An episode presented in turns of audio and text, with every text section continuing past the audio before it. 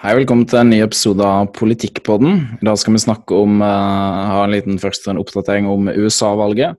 Deretter om uh, Senterpartiet sin rekordhøye oppslutning uh, nå for tida, og KrFs nye valgprogram.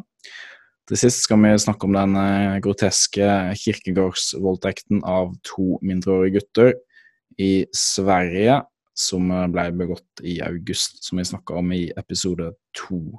En oppdatering derfra. Yes, God dag, Jonas. God dagen. Ja, La oss hoppe inn rett inn i USA-valget. Det har vært en uh, litt spennende utvikling nå den siste tida. Skal innrømme at det var litt, uh, var litt uh, nedfor denne uka her, før, uh, før, onsdag var det kanskje. Uh, I hvert fall var nedfor i begynnelsen av uka.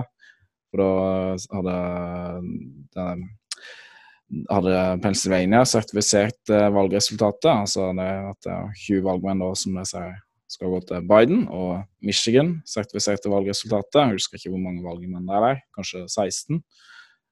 Og så hadde du òg den der um, omtellingen i Georgia, som ikke bar noe særlig frukt. Uh, selv om det fant noen uh, ja, iallfall over 1000 stemmer til Trump da, som ikke hadde blitt telt opp. Men 1500 stemmer eller 1800 stemmer til det men ikke nok til å til at Trump skulle ta Bidens ledelse på 14 000 stemmer. Uh, ja, kan du si raskt det med valgmennsystemet i uh, USA. Det er jo sånn at uh, du må få 270 valgmenn for å vinne presidentvalget. Du får et visst antall valgmenn for hver stat du vinner. Det er med unntak av Nevada og Maine, der det er sånn splitta ut fra hvor stor andel av stemmene du får. Så splittes valgmennene. Men uh, i de fleste andre stater så er det sånn at uh, vinneren får alle valgmennene. Og ja, det er typisk. Det kommer an på folketallet. da, i Det vanvittig mange valgmenn i f.eks. California og Texas. Mens i andre stater der det er liten befolkning, så kan du kanskje bare få en tre valgmenn eller noe. Mens i jeg husker ikke det er 38 valgmenn i Texas og 50 eller noe i, uh, i California. Så du må få Du må få altså da 270 for å vinne valget. Og det Trump må gjøre for å kunne for, altså for, for, for, å komme opp i 270 sjøl, eller iallfall få Biden ned under 270, det er at han må nå greie å flippe tre stater til seg sjøl som uh, han uh, da ser ut til at han ikke har vunnet. Og Da er det Pennsylvania da, som er den, den, staten med flest valgmenn, som er i, um, mest interessant nå for tida, som har 20 valgmenn. Iallfall det som har skjedd i Pennsylvania, det er at uh, se, Vi kan jo dele skjermen her. Vent litt. Det sertifiserte først eh, valgresultatet. Og så, men det som skjedde nå for, eh, for eh, to dager siden, på onsdag altså, så var det en dommer i, i, i Pennsylvania som blokkerte sertifiseringen av valgresultatet. I hvert fall midlertidig, da. Til etter høringen, som da ble holdt ja, det her står 'Until her court holds a hearing on an election contest'. Da. Det har ikke helt fulgt med på oppdateringen på den. Det var jo da, da. Som den uh, retts, uh, eller, um, rettssystemet skulle ha en høring da i dag. Det har jeg ikke egentlig fått med oppdatering på hva som skjedde der. Men det er en annen ting som var veldig interessant som skjedde i mellomtida, var at det var en uh, høring de, for de folkevalgte i Pennsylvania. Og der har replikanerne republikanerne flertall. Der kommer det fram veldig mye som virker veldig, veldig suspekt av ting som har foregått.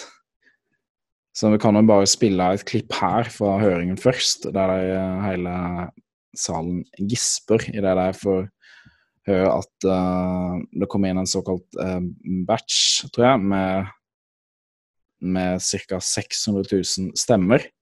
Der kun 3200 gikk til Trump. Og hvis en tenker at det er sannsynlige tall, så, så bør du tenke om igjen. For at det virker helt fullstendig galskap. La oss uh, høre klippet her på halvannet minutt. The very beginning of the, uh, the chart where there's a circle, it says on election day. Uh, what that indicates is there is a spike in uh, loaded votes, uh, 337,000 plus or minus of some votes that were added in there in one big batch. So that was uh, an anomaly in the reporting. Normally, you would expect to see a smooth curve going up, not any uh, not any big big spikes. That's kind of what what Greg was talking about the the anomalies of loading and uh, uploading those uh, those votes. So that big spike that uh, occurs there is a prime indicator of fraudulent voting. And that's 604,000 votes in 90 minutes. Is that right? Correct. This is uh, 300 and, 337 votes 337,000 votes in that, uh, that in that period of time. Yes. And when you look at this entire curve with all these spikes, can you calculate how, how, how much of a vote that accounted for for Biden and how much for Trump? Close to 600,000. I think our, our figures were about 570 some odd thousand that uh, all those spikes represented over time. For Biden? Correct. And how much for Trump? I think it was a little over 3,200.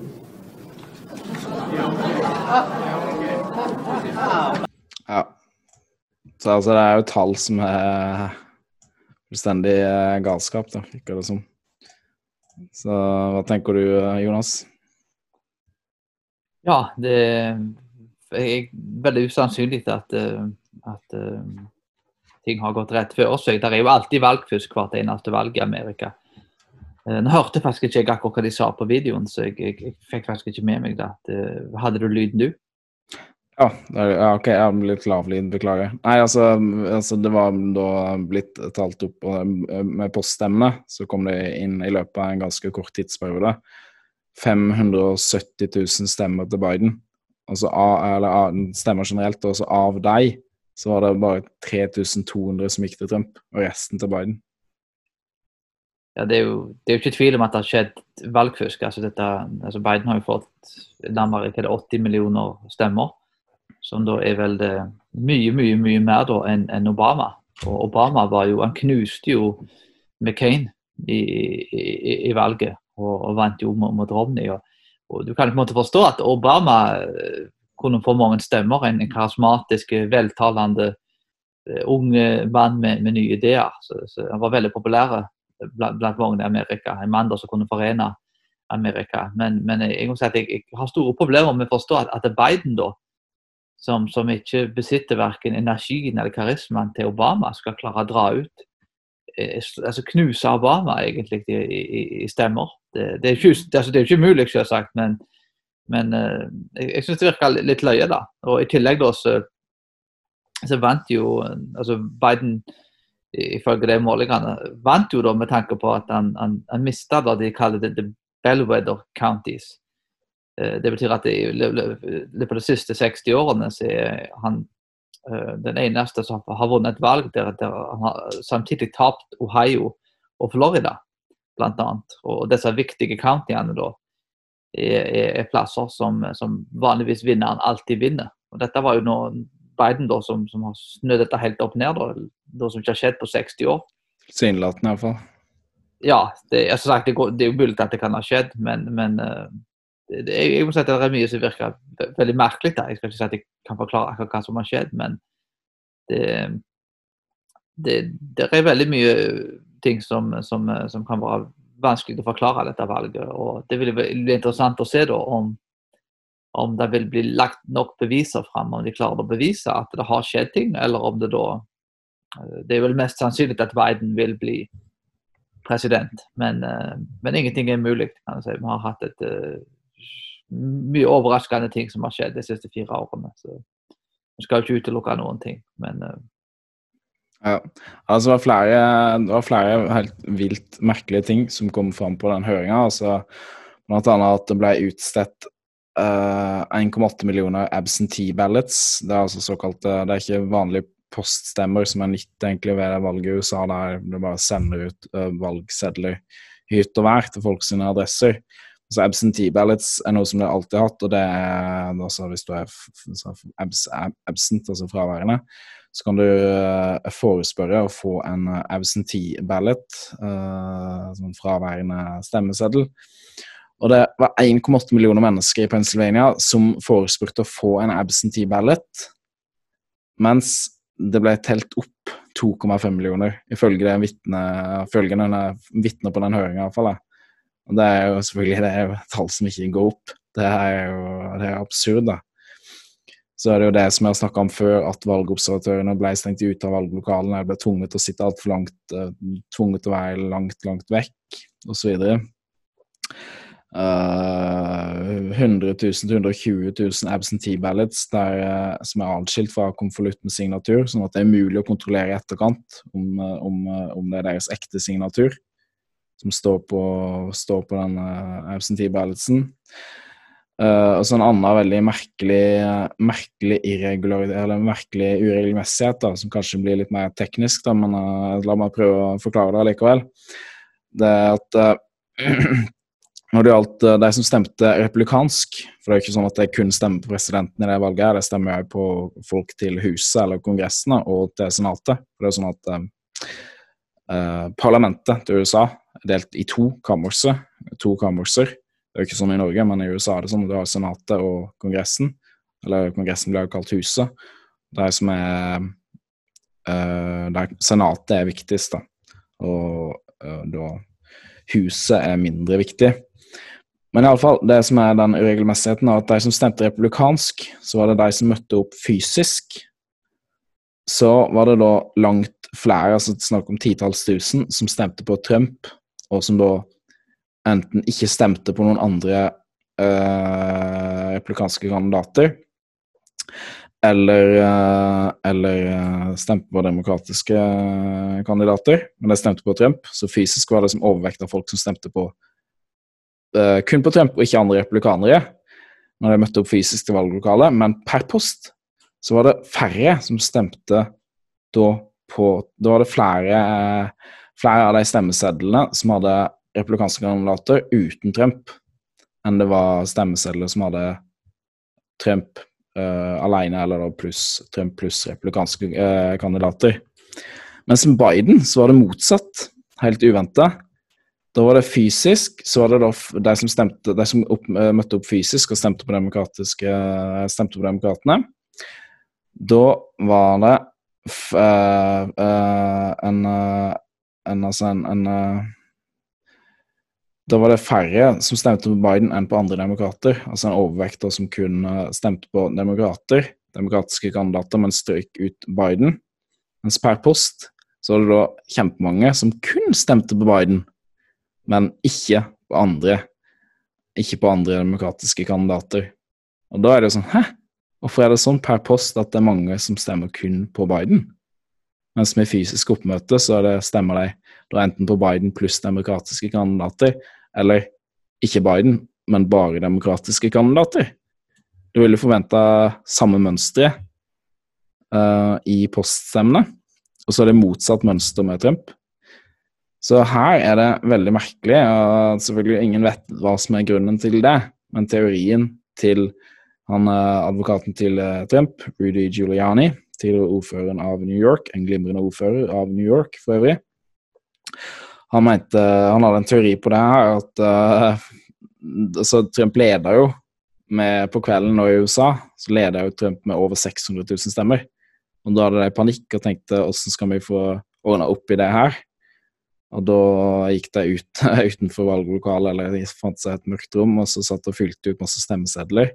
Der de kun skrev på Biden i huet hans for å få skrevet fylt ut mange nok printa ut masse valgsedler og så bare skrev på Biden du, du, du, fort. Og så ga de videre, så heiv de opp i, opp i uh, valgurnene. Så jeg vet ikke. Det er ingen som vet hvorfor det har skjedd, men det er iallfall en merkelig uregelmessighet hvorfor de tallene ser sånn ut. da.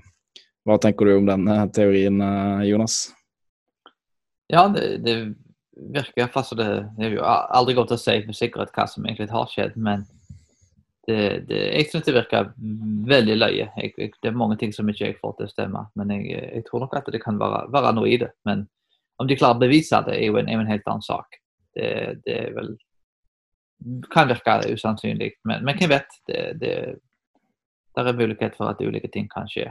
Men uh, det er iallfall uh, i motsetning da, til hva folk tror, så, så det er ikke et spørsmål om at Trump nekter å gå av og den type ting. Det er vel et spørsmål om å ta ting i retten, sånn som en da faktisk har lov til. Uh, husker på George Bush og Al Gore at uh, der måtte de telle om stemmen igjen i, i Florida. Det gjorde faktisk at det, etter Al Gore da hadde sett på seg selv som, som seiersherre i, i presidentkampen, så, så, endte han opp faktisk med å, om, at det var Bush da, som, som endte opp med å vinne. Som sagt, vi nevnte for, Tidligere så var det jo George Bush, Bush gikk ut og sa at Trump hadde faktisk lov til, til å gå inn i det rettslige og, og, og, da ta dette gjennom retten. og Hvis det er beviser, så, så får vi håpe at det kommer gjennom. Hvis det ikke er beviser, da, så det viktigste er jo at det, den rettmessige pre presidenten da altså blir, blir president i, i Amerika. I, I, januar, blir det vel. Uavhengig av hvem det er. Så det er jo, eh, men, eh, men eh, det, det, virker absolutt sannsynlig som at det kan være at den, den teorien til Guliani at den kan, det kan være noe i det. Men, men hvor lett det blir å bevise, det er jo en, en helt annen sak. Mm.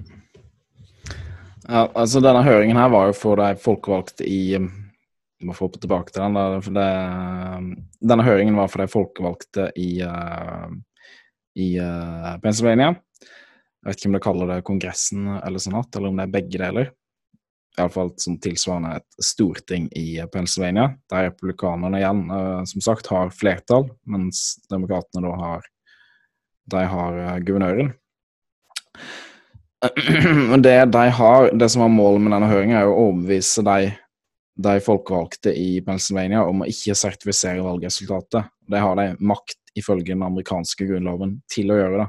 Men da må de først få en lov som sier at de kan gjøre det. Men en sånn lov vil da være i tråd med, med den amerikanske grunnloven han som leder det her, i hvert fall, jeg tror det var um, en del av i en som initiativtakeren her bak der, var en som heter Doug Mastriano, en republikaner i, uh, blant de folkevalgte i Pennsylvania.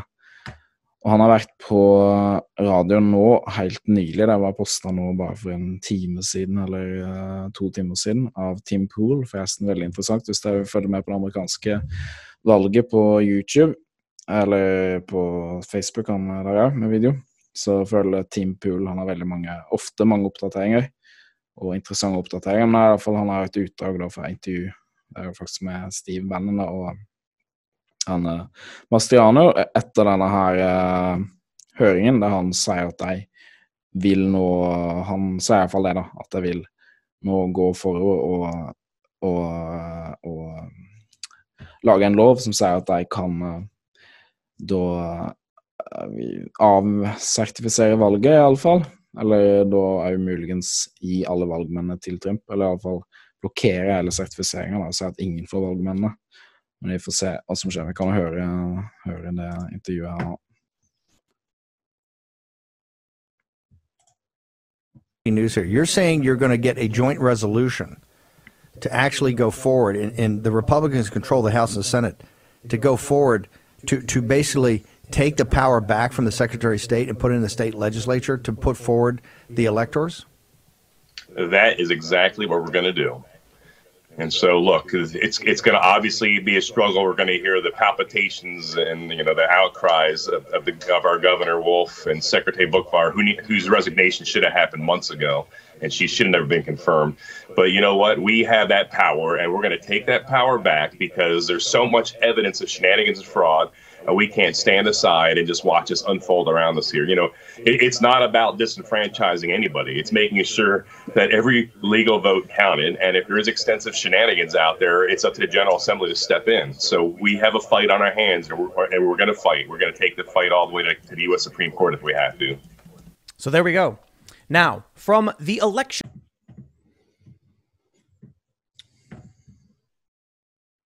Ja, det er et eller annet, Jeg kjenner ikke til alle teknikalitetene her, men det er vel sånn at guvernøren kan eh, blokkere sånne lover. Da kan kanskje de anke til, eh, til Høyesterett osv. Så, videre, så det er, jeg er ikke helt sikker, men jeg tror kanskje det er det han snakker om der. Men iallfall spennende saker. Spennende saker. Eh, Det som er håpet da, for oss som støtter Trump, og det gjør vi på denne kanalen her, uten å skamme oss over det og uten å skjule det. Så men selvfølgelig, vi vil at vinneren skal vinne valget, men jeg, jeg tror det er såpass mye, mye tull som har foregått her, at uh, i Pennsylvania særlig da, at det er best å bare enten si at eh, det er ingen får valgmenn, eller at Trump får valgmenn, rett og slett. Det er helt vilt at Trump leder med over 600 000 stemmer. Og så da det plutselig kommet inn nok poststemmer til å flippe det valget til Biden. Det, det virker absurd, da. Men uh, vi får se. Men uh, det som, er, ja, det som er teorien her, er jo, eller håpet for oss som støtter Trump, er at først Pennsylvania kommer enten da til å gi valgmennene til Trump, eller si at ingen får valgmennene, og så da får kanskje andre, andre stater er imot det til å gjøre det samme, da, at de folkevalgte rett og slett gjør det. Eller eh, eventuelt noen dommere, da. Men eh, det var et problem med at enten så med mange dommere, da, at eh, med mange dommere at enten de er eh, rett og slett demokrater, eller utvalgt av demokrater, og så at de eh, ja, da er partisan hacks, som du kaller det på engelsk.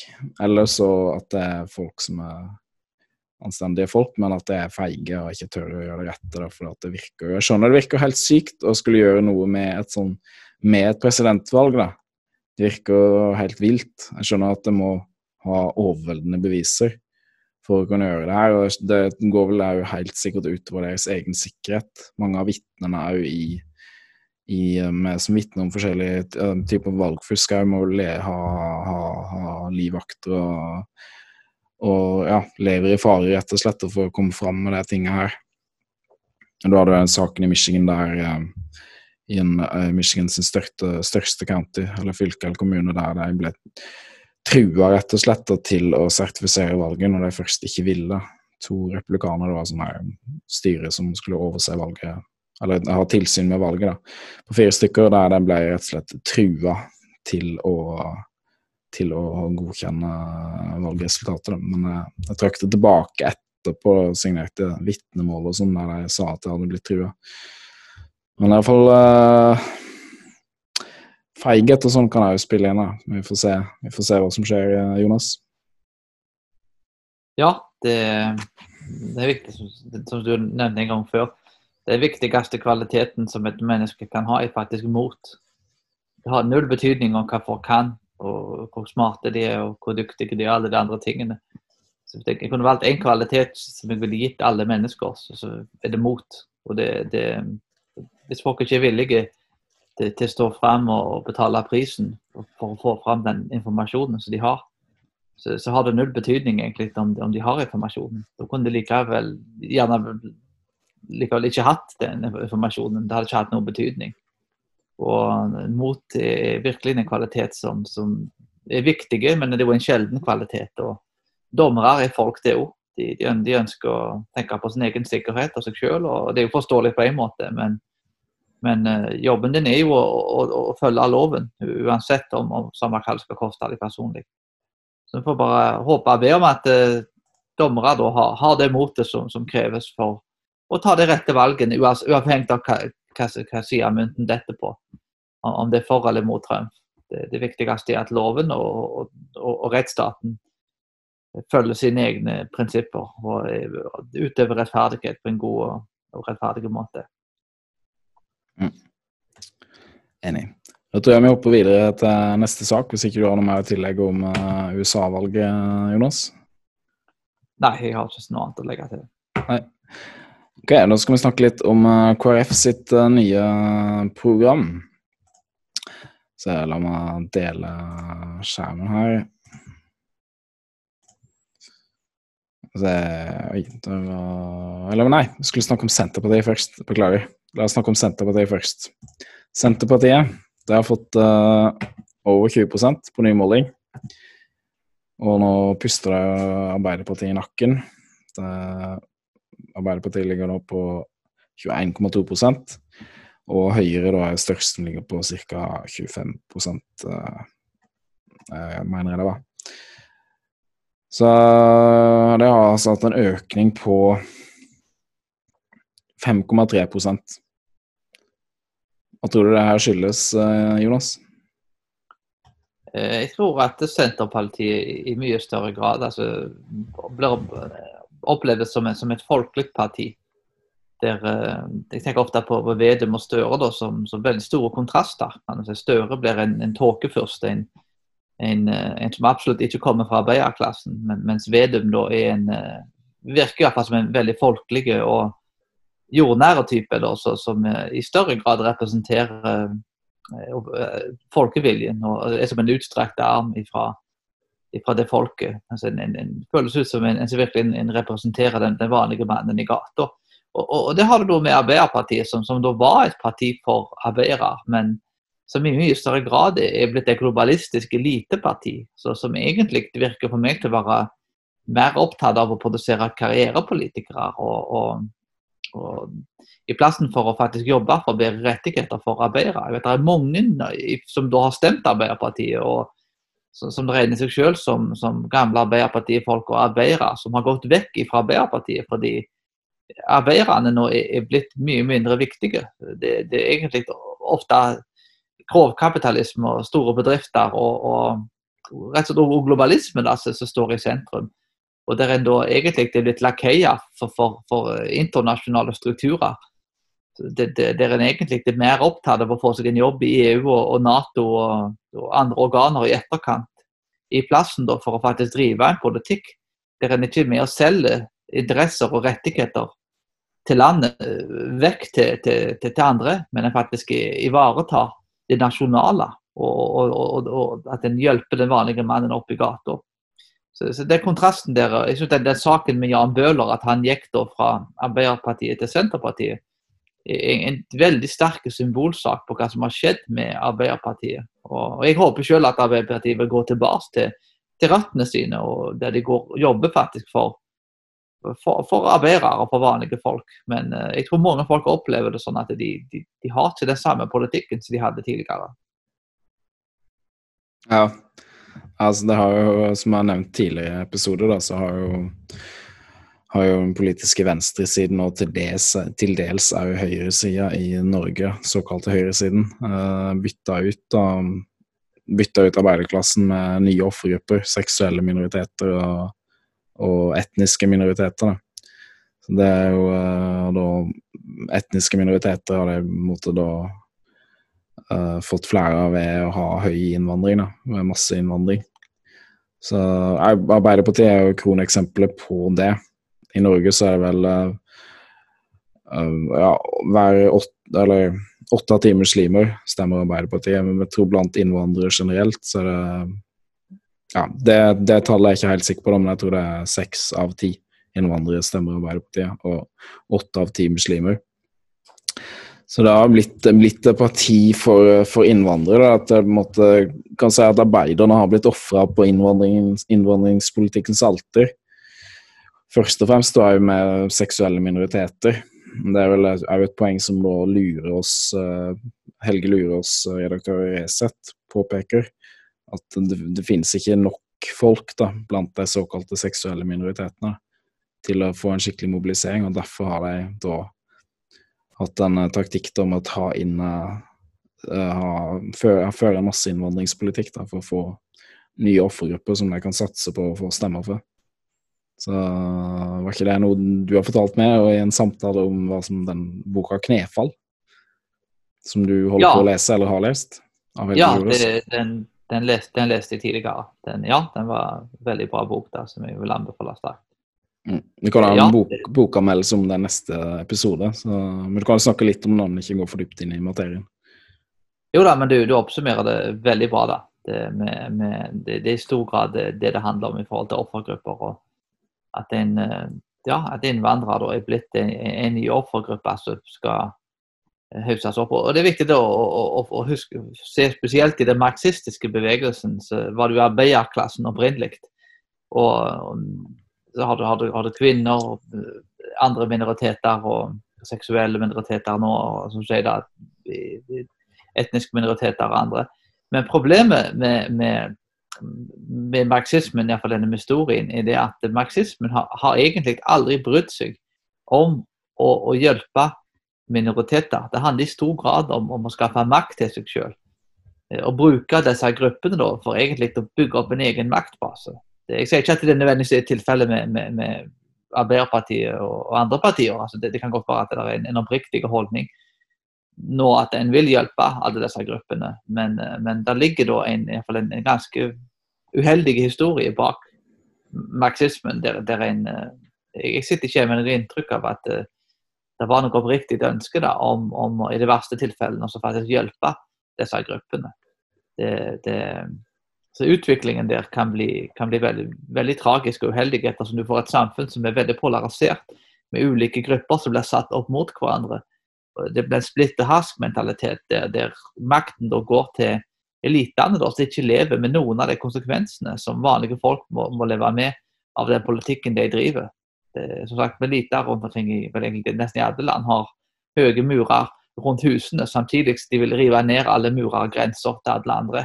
Selv så skal de være eh, omringet av svære gjerder, men, mens, mens, vi andre på en måte skal, skal ha, ha, alt åpent. Så de lever jo egentlig i, i, en helt annen verden enn folk flest.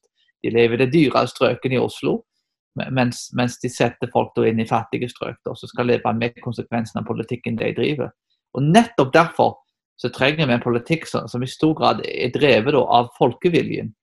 For, for, det er kun de som lever med konsekvensene av politikken, som egentlig kan både forstå og stemme inn folk som faktisk vil, vil gjøre ting som vil forbedre samfunnet for alle. En elitestyrt politikk, da, spesielt med EU og, og, og, en del av norske politikere, er, er, globalisme og internasjonalisme er, er, veldig uheldig egentlig for den, for den vanlige mannen i gata. Så Hvis en virkelig har omsorg for den, for den fattige, da, så, så, vil en faktisk ikke drive den type politikk. Og det er der, der eh, mye identitetspolitikken og den, den, tar på seg det at jeg, vi er her for den lille karen, vi er her for alle minoritetene. Mens i realiteten så er denne politikken dårlig både for minoriteter og for andre.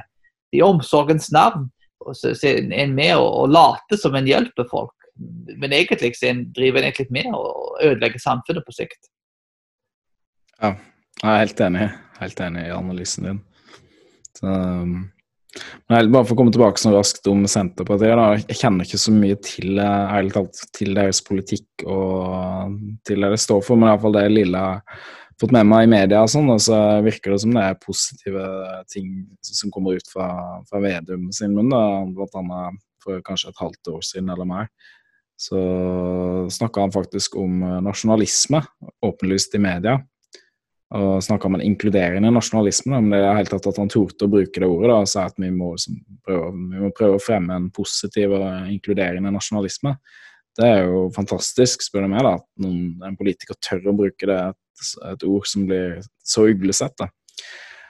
Og òg under en, Det var vel under en, um, en annen debatt eller et eller annet program på NRK da han sa at Norge måtte prioritere å få den uh, koronavaksinen til Norge først, før andre land. Da. Som er andre politikere, bl.a. KrF-politikere, som reagerte på det at det har liksom en egoistisk holdning for Norge og sånn.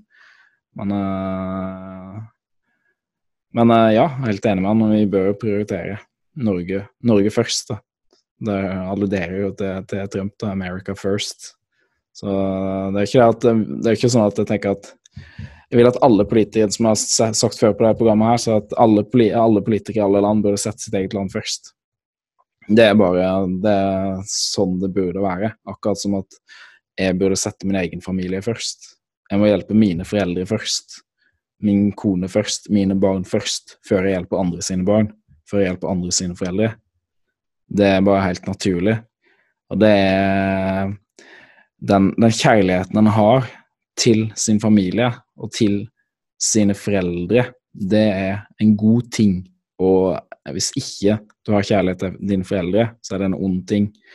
Selvfølgelig det er noen tilfeller der foreldrene er helt forferdelige osv., men da snakker vi normale situasjoner, da, så er det, så er det, det å ha uh, en stor, dyp kjærlighet og respekt til sine foreldre noe en skal ha, og som er en del av et tilbud.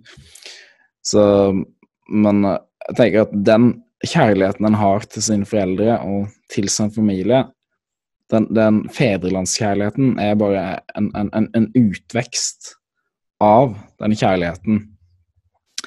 Og det Og derfor så er det ikke bare det at en bør elske sitt fedreland, men det å ikke elske sitt fedreland, det er ondskap. Og det er en positiv dyd. Det å elske sitt fedreland, det mener jeg, og det er en forpliktelse en har. Grunnen til at jeg elsker Norge, det er egentlig ikke fordi at Norge tenker at det er så veldig bedre enn andre land, veldig mye bedre enn andre land osv., osv. Det er fordi at Norge er mitt land, rett og slett.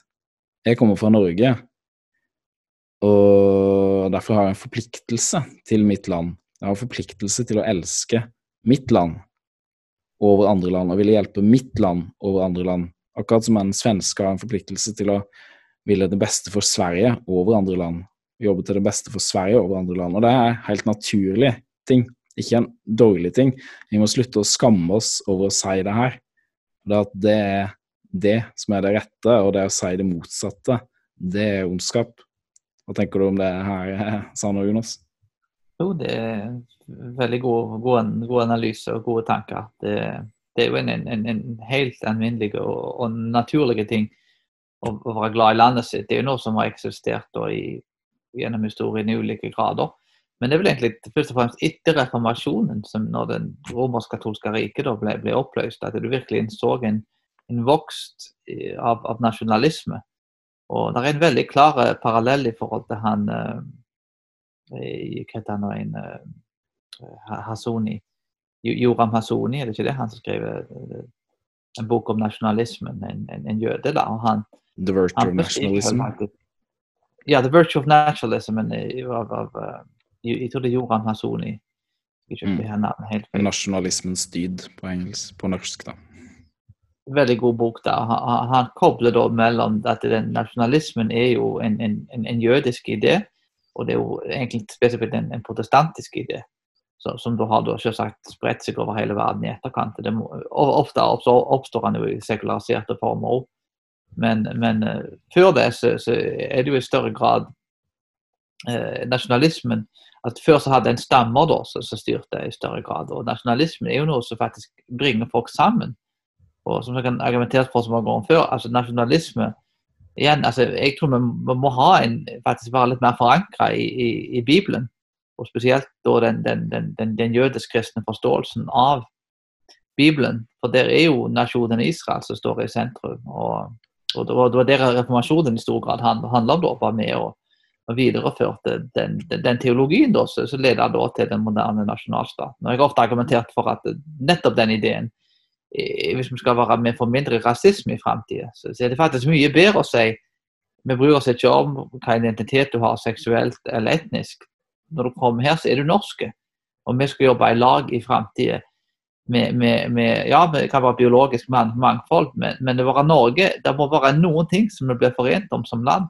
Og, og Hvis det skal bli mindre rasisme framover, så vil jeg si faktisk at vi, vi må faktisk ha mer nasjonalisme. Jeg vil si at Nasjonalisme eh, ikke, ikke da hvit nasjonalisme eller hvit nasjonalisme, det ble jo en, en men en, en, nasjonalisme da, som ikke er bygd opp på, på, på, på rase og biologi, kan bli en nasjonalisme der, der, verdiene som vi holder sammen, er faktisk med å forene oss og gjøre, om, gjøre oss om til ett folk. Og, og, det gjør at vi, vi faktisk får et, et, mer velfungerende samfunnsliv som vi bringer oss i mye større, større grad i, i, i lag og jobber i lag om ting. Men for å gjøre det, så må vi ha noe til felles. Vi må ha noen ting som bringer oss sammen. Vi har samme konge. Vi har uh, de fleste hadde vært en fordel de fleste hadde en, en, en, jødisk kristen verdiforankring. Men òg at det er andre ting, opplysningsverdier og visse ting som Samme flagg. Mm? Samme flagg. Ja, samme flagg. Ja. Det var diskusjoner vel å forandre på flagg og den type ting. Nå er det vel egentlig regnbueflagget som er det nye nye flagget vårt. Og Det er jo et flagg som, splitter folk. Som sier du er den gruppa, du er den gruppa, du er den gruppa. I plassen for å ha et norsk flagg, så, så tenker jeg at det samme hvem du er, så, så, hører du til under det norske flagget. Så det, det, det, er en tragisk utvikling at vi går tilbake egentlig til en primitiv stammeforståelse. der Vi hadde dette problemet med norske vikingkonger før. Og, og nå nesten våre politikere vil tilbake til, til, til, til stammekultur der vi deler opp landet i hundrevis av gruppeidentiteter som som skal hate hverandre. I plassen for å være samla under en konge, som sagt, et verdisystem og et land. Er et flagg, da, over den del. Og, det, utviklingen da, altså Hvis ikke det snur, mener jeg, så vil vi få et mye mer splitta land. Og tillitssamfunnet i Norge som vi har, vil bli nedrevet hvis ting ikke snur. Ofte så blir jo det her eh, det, Alt det her blir angrepet veldig sånn abstrakt da, av kulturradikaler. om at altså, Hva betyr det nå egentlig å være norsk? Så ja, kan ikke liksom bare alle bare komme hit? og det er ofte, ofte konklusjonen bak det enten så er at alle som kommer hit er norske, eller at nei, de er ikke norske. Og, men det, det, gjør ingenting. Vi kan ha liksom et, et, et et stort fellesskap her på et vis allikevel. Så, mens, mens jeg tenker at En bør ikke tenke så abstrakt, men det er bare det at folk har den samme forestillingen om at de er norske, og at de elsker Norge, og at de har en affeksjon rett og slett for det norske flagget og for det norske landet, bare rent fysisk. Landskapet bare at jeg har den forestillingen, selv om det kanskje ikke deler så veldig mye felles. Anna eh, til og med håper at jeg deler en del ting verdimessig, men selv om det ikke deler så mye, så tenker jeg bare det å ha den forestillingen, selv om den kanskje ikke er sann eller ei, så er bare det å ha forestillingen om det, er en fordel. Og, men selvfølgelig mener jeg at det bør fylles med substans, da, men, men en bør i hvert fall ikke jobbe imot det at en skal ha en forestilling om at det er noe norsk, og i det hele tatt. Ok, la folk tro at det er noe norsk, uansett om det stemmer eller ei. Men jeg mener at det stemmer. Men, men poenget er jo hva det, altså, hva det praktiske fører til. det. At en har kjærlighet for, for, Norge, og at en identifiserer seg med den norske historie. At en føler seg som en del av det norske fellesskapet. Så, så, men så kan jeg selvfølgelig alltid problematisere det. Altså, hva har liksom den der eh, fiskeren i Nordland til felles med den universitetsprofessoren der som bor på Blindern i Oslo? Det kan alltids problematisere det masse, men det, det men uh, bare ut fra historien og alle eksempler en har, så vet en det at å ha en robust nasjonalstat er mye bedre enn å ha en, en, en multikulturell stat. da. Det, det vet en. Så en trenger ikke drive og problematisere alt, en kan bare se praktisk på det. Så det var sikkert litt surrete tanker, men en eh, vet iallfall ut fra all erfaring at en nasjonalstat er en veldig god og velfungerende løsning. Ok, skal vi hoppe videre til KrFs program, da? Jonas? Ja, det høres bra ut. Ja, Vi kan bare snakke litt raskt om det. I KrFs program nå så er det jo Skal han dele skjermen? Så snakker de om at de vil uh, De vil uh, myke opp Ha en mykere strategi om abort. De uh, har da nye, mykere nye ordlyd om ekteskapet. Som ikke vektlegger så mye om at det er mann og kvinne. Og de har tatt vekk det at de vil flytte ambassaden til uh, Israel til Jerusalem. Og de vil gjøre det mye vanskeligere å lete etter olje og gass. Hva syns du om den uh, politikken, Jonas?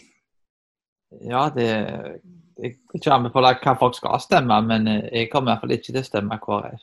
Det, og jeg har vært mye mer Eh, positive til de før, men, eh, men eh, jeg må si at med tanke på at de markedsfører seg selv som et kristent parti, mener jeg, så må de være konsekvent med det. Jeg mener ikke at et parti trenger tenke sånn som jeg vil de skal tenke om alt, men, men, jeg mener de må være trofaste mot sine egne prinsipper og, og sine egne velgere. Og det, det, mener jeg at de ikke er. Uh, igjen, de kunne greit tatt, tatt altså, den K-en vekk da, fra navnet, og så lagd et, et, sentrumsorientert parti med, med, med livssynsorientert eller nøytrale politikk. Og, med, med, tanke på at de markedsfører seg selv som et kristent parti, da, så vil jeg holde de til den standarden.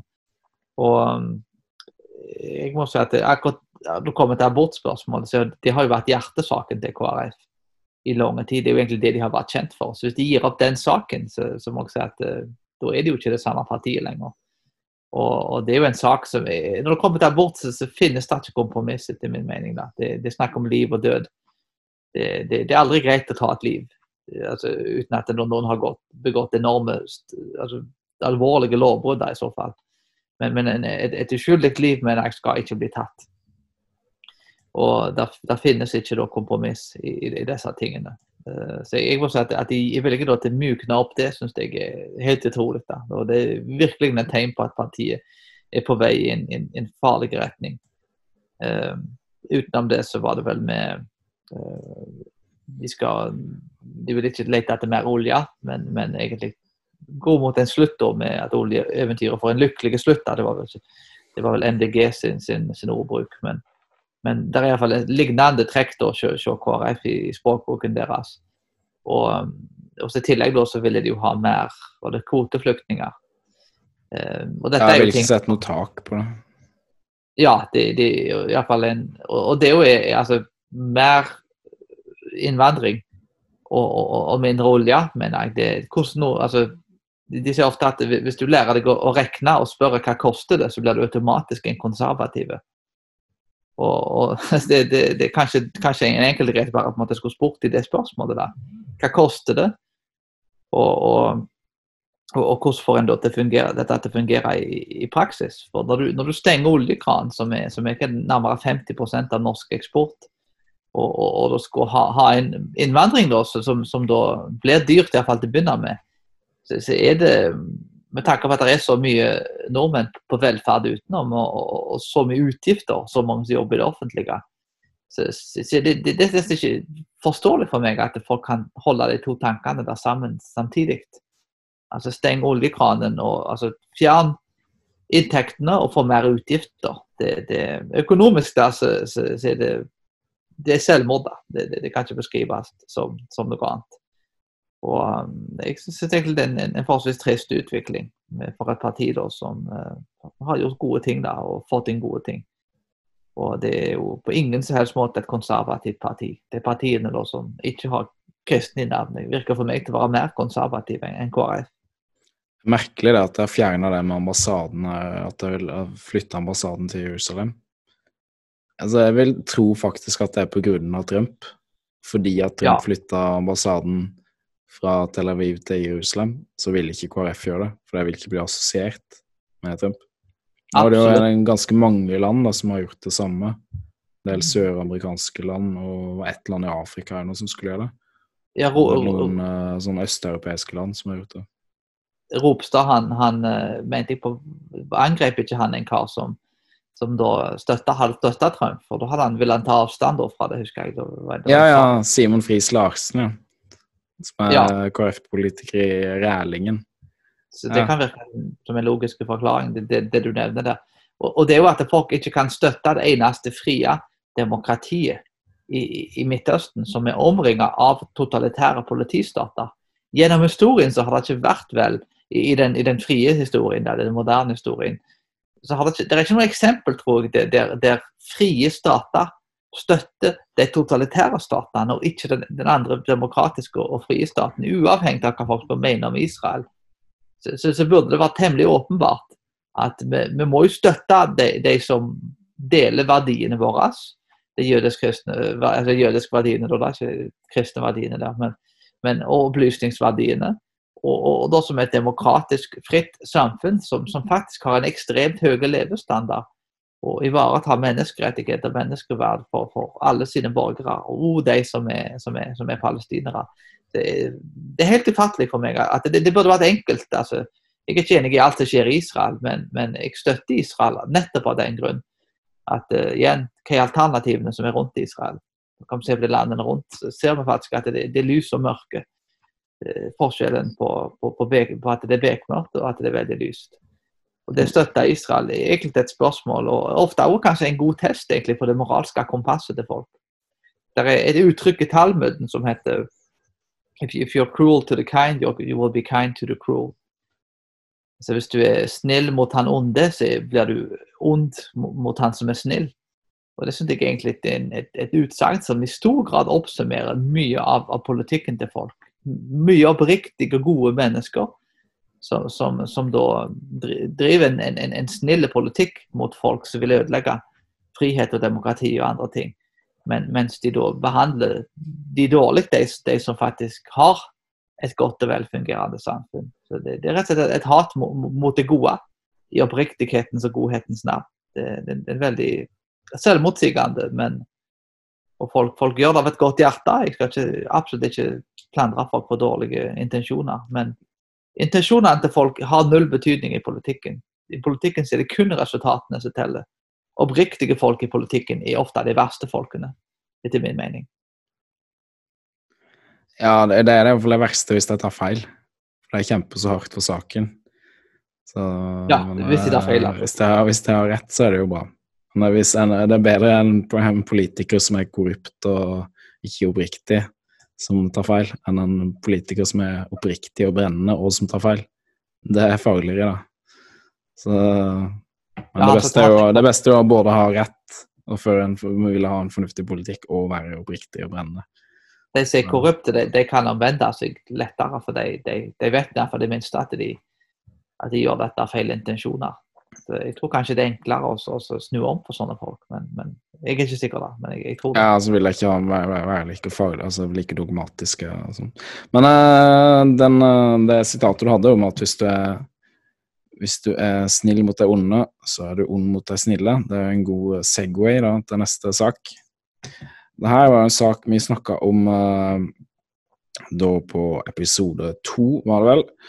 Da visste vi ikke noe om etnisiteten til gjerningsmennene, men vi da uten å spekulere i sånn vel, eh, veldig hvor Eller vi spekulerte vel egentlig, da, men uten å si sånn helt sikkert hvor gjerningsmennene kom fra. Det er altså en sak der to eh, mindreårige eh, svenske gutter ble da kidnappa på natta, eller iallfall de var ute og gikk eller noe på kvelden eller natta. Ble tatt ved makt inn på en kirkegård, torturert og voldtatt i ti timer av eh, to voksne menn. Vi nevnte da at uh, bl.a. i Afghanistan så er det vanlig og vanlig å voldta små gutter, rett og slett. Og du sa jo i Pakistan så var det et problem at bussjåfører drev og voldtok eh, sånne gategutter.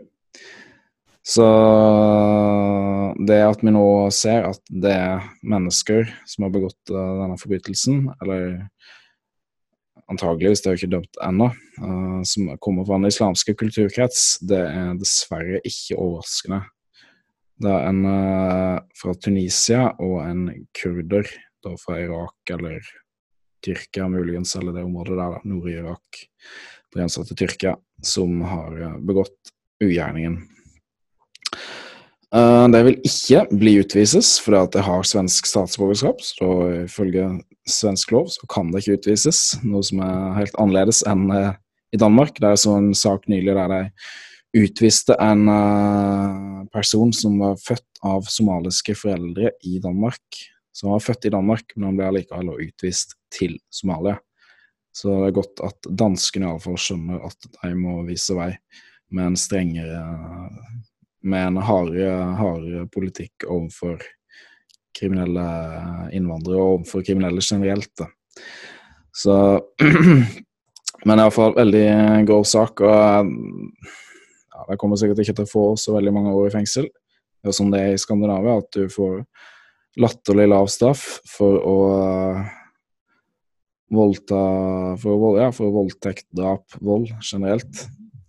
Så det Ja, ikke bra.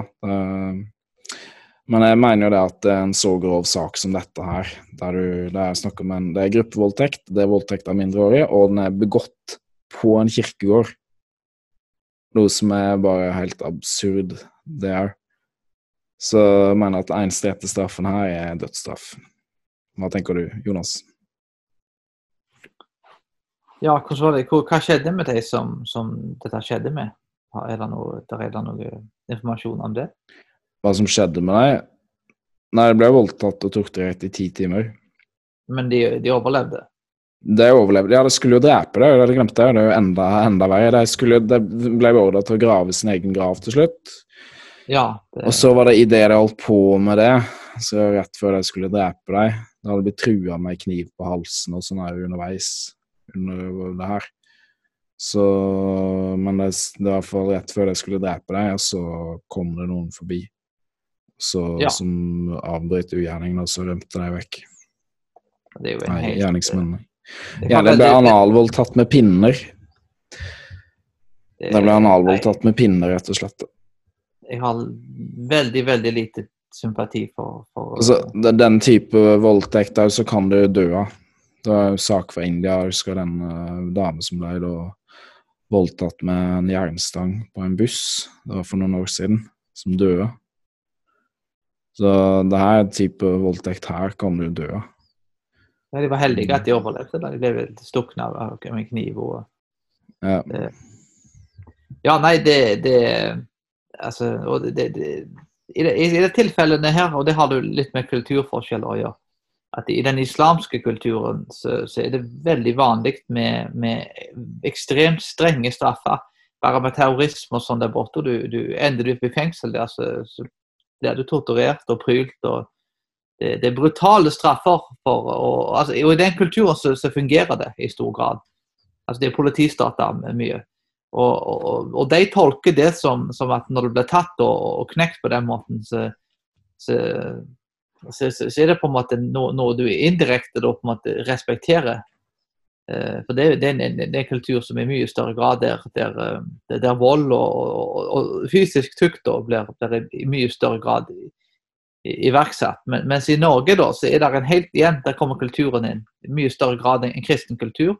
Der en da kan, kan eh, Der den harde straffen ikke nødvendigvis er den beste måten å, å, å hjelpe folk ut av ting på.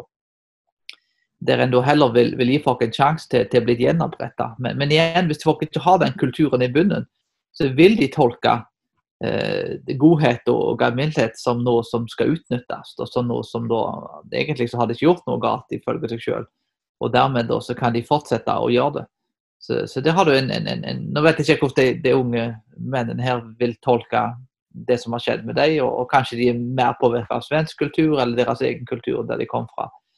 Det vet ikke jeg, men, men, men igjen, det, det er veldig viktig at, det, at, at folk får de verdiene inn så, som da bl.a. Sverige i dette tilfellet er bygd på. Sånn at en da kan faktisk motta straff på en måte som er forenlig med den svenske kulturen, og ikke andre kulturer. Og, og dette er noe som kan lære, læres opp. Jeg tror mange kan, kan flytte til Sverige og bli opplært i, i å tenke på disse måtene. Og det, det, det er veldig viktige ting, det, det, med kultur og hvordan en responderer. Jeg har jobba veldig mye med muslimer sjøl, og jeg vet at i den kulturen der at muslimer respekterer De respekterer ikke svakhet på noen som helst måte. De respekterer en stor, sterk mann som går inn og, og knuser motstanderne. I, i stor grad, da. si. Og det, det, det nytter liksom ikke med, med godhet og naivitet og, og, og, og den type ting. da. Og, så jeg, jeg, jeg tror nok ikke nødvendigvis alltid at uh, vi forstår i Vesten altså, hvordan en da skal behandle uh, disse ulike sakene. Jeg tror faktisk en trussel med å sende folk tilbake, så at de kan få straff i sitt eget land, kan være mye mer fryktinngytende enn enn å bli satt i et norsk fengsel som er som et hotell, nesten. Men, men derfor være bevisste på de kulturforskjellene, og være bevisste på å lære folk opp i norsk tenkemåte, sånn at folk kan også motta straff og, og bli gjenoppretta ifølge den norske loven og, og rettssystem. Men hvis du ikke har den forståelsen som en bakenforliggende ting, så, så, så kan vi få store problemer med, med med på hvordan vi skal straffe folk i fremtiden. Jeg er enig. enig. Jeg hadde egentlig tenkt vi skulle snakke om eh, dødsstraff nå. Jeg lurer på om vi skal uh, droppe det. Egentlig snakke om straff på generelt grunnlag, hva det er, og hvilke elementer en har i eh, straff. Hva som er straffens hensikt, og hvorfor dødsstraff er en god ting. Men jeg ser at tida har flydd litt fra oss, og for å begrense For å prøve å holde oss under en time, så tror jeg vi skal avslutte her. Så kan vi ta og snakke om det neste gang. Høres det greit ut, eh, Jonas? Ja. Ja, jeg tror vi gjør det. Så snakker vi neste gang så skal vi snakke om eh, straff. Hva er hensikten med å straffe folk, og hvorfor er dødsstraff en god ting? For at dødsstraff, det er en god ting. Det er noe et samfunn bør ha, selv om det selvfølgelig ikke bør brukes veldig ofte, men i graverende tilfeller bør det brukes. Så hold dere fast en uke, så skal dere høre argumentene for hvorfor dødsstraff er en god ting. Yes, Husk å trykke på abonner-knappen uh, nå hvis ikke du abonnerer, og takk for at du hørte på oss.